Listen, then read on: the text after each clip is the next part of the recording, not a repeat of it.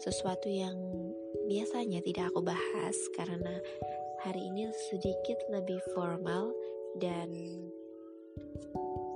aku pengen banget bahas tentang privilege.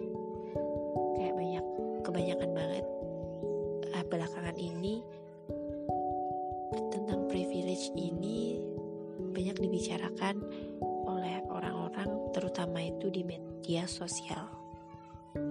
Ya, di media sosial. Ada beberapa pendapat yang mengatakan privilege adalah sebuah head start, tidak menjamin kesuksesan, tetapi memperbesar peluang meraihnya dibanding yang tidak memilikinya.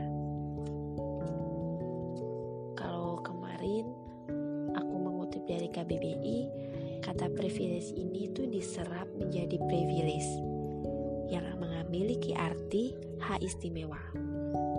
Namun dalam kehidupan masyarakat, hal istimewa ini diartikan menjadi beberapa hal. Beberapa di antaranya privilege dari keluarga elit, keluarga dengan golongan ras, atau golongan mayoritas. Serta hak istimewa yang dapat dimiliki oleh orang-orang yang berhasil mencapai jabatan yang tinggi. Kalau dari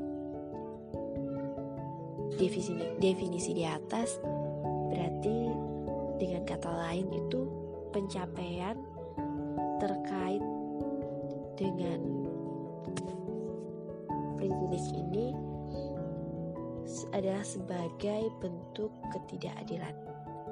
Jadi ada beberapa persepsi dari masyarakat bahwa privilege ini adalah sebuah bentuk ketidakadilan. Karena apa? Biasanya yang memiliki privilege dari keluarga yang kaya, keluarga yang berada, itu akan lebih mudah untuk mencapai cita-cita dan kesuksesan mereka.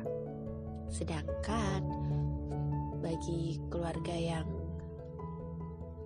kurang beruntung, itu har mereka harus mengerahkan semua tenaga untuk mencapai impiannya. Walaupun Kadang semua itu hanya angan-angan. Tapi tidak sedikit juga yang bisa meraihnya tanpa privilege dari kekayaan orang tua mereka.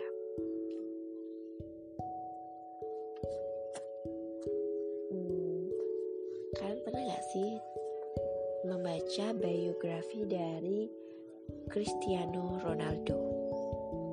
Ya, pesepak bola internasional yang, beras, yang berasal dari keluarga yang sederhana. Karena pada saat itu, orang tua dari Cristiano Ronaldo adalah seorang pekerja buruh tukang kebun. Uh, karena melihat anaknya yang pandai dalam bermain sepak bola, tetapi orang tuanya belum bisa untuk memasukkan Cristiano Ronaldo ke klub. Ya karena keterbatasan keterbatasan biaya. Tapi ayahnya tidak hanya diam, tidak hanya terpaku, tidak hanya pasrah. Ayahnya mencoba menjadi kitman di salah satu klub dan alhasil pada usia tujuh tahun, Cristiano Ronaldo bisa bermain dalam klub itu. Walaupun banyak teman-teman klubnya yang mengolok-oloknya. Tapi itu menjadi sebuah kesempatan dan juga menjadikan dia lebih bersemangat untuk tetap berlatih. Saat itu Cristiano Ronaldo berpikir bahwa tidak semua orang miskin tidak bisa melakukan apa yang dicita-citakannya. Walaupun dengan susah payah, alhasil sekarang dia menjadi pesepak bola yang handal. Itu pun berkat berkat kerja kerasnya dan juga kedua orang tuanya. Jadi, dari cerita dari Cristiano Ronaldo tadi juga bisa disimpulkan bahwa tidak semua privilege itu berwujud harta benda. Tidak semua privilege itu berwujud kekayaan. Privilege juga bisa berbentuk dengan dukungan orang tua.